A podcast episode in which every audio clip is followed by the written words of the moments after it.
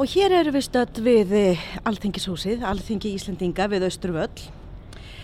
E, sama ár og Arnaldur sendi frá sér sína fyrstu glæpasögu, þar að segja árið 1997, þá steig hinn dular full að stella Blomqvist fram í fyrsta sinn með morðið í stjórnaráðinu.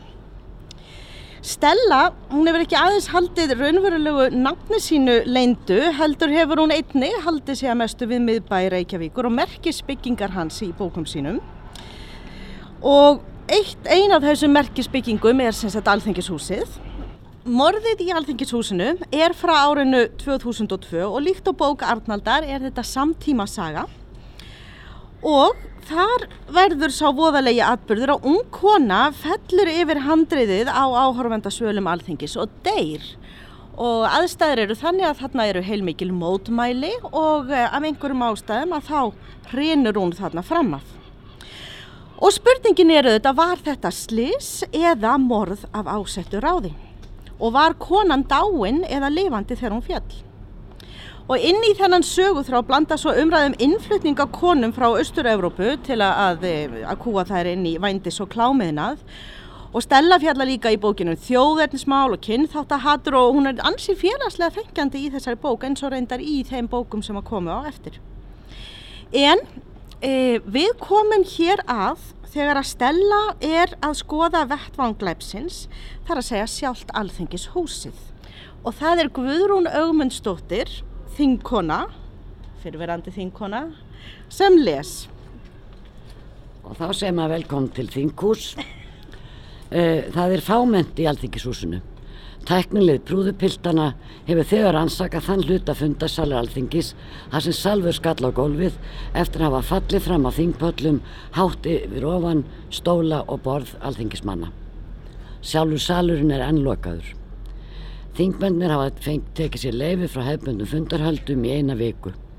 Þeir eiga vist að sinna nefndastörfum í staðin, í öðrum húsakinnum þingsins. Ég held áfram upp stegan. Áhærendapallar gnæfa yfir þingsalina og tvo vegu. Þeir minna einna helst á ódýrsæti efst upp í hanabjálka í gömlu leikúsi. Dökku viðarbekkirnir verðast engar óþægilegir. Þingpallarnir eru beint fyrir einan aðalstegu alþingishúsins Þaða leikur leiði niður á neðri hæðurnar en einnig upp í risið þar sem fréttamenn hafa vinnustofur. Það er að segja þeir sem enn sinna störfum fyrir útvars og sjónastöðar. Eins og Salver gerði hér árum saman. Var hún kannski að koma niður þær tröppur í sinni hinstu för. Skamtur á stíganum upp á risæðina eru dyr að fundarherbyggi. Þær eru lokaðar en ekki læstar. Hafði fréttakonni eftir vil hitt einhvern þarna inni rétt áður nú dóum og lendi í fögun við þingpallana um leiðan kominu dittnar. Tveir möguleikar. En ég hef engar vísbendingar um hvor þeirra sér líklari. Kanski hvorur. Skiptið annars nokkru máli? Ég veit það ekki. En af einhverjum ástæðum langar mig að reyna að rekja spórsalvarar þannan ölluðaríka eftirmiddag.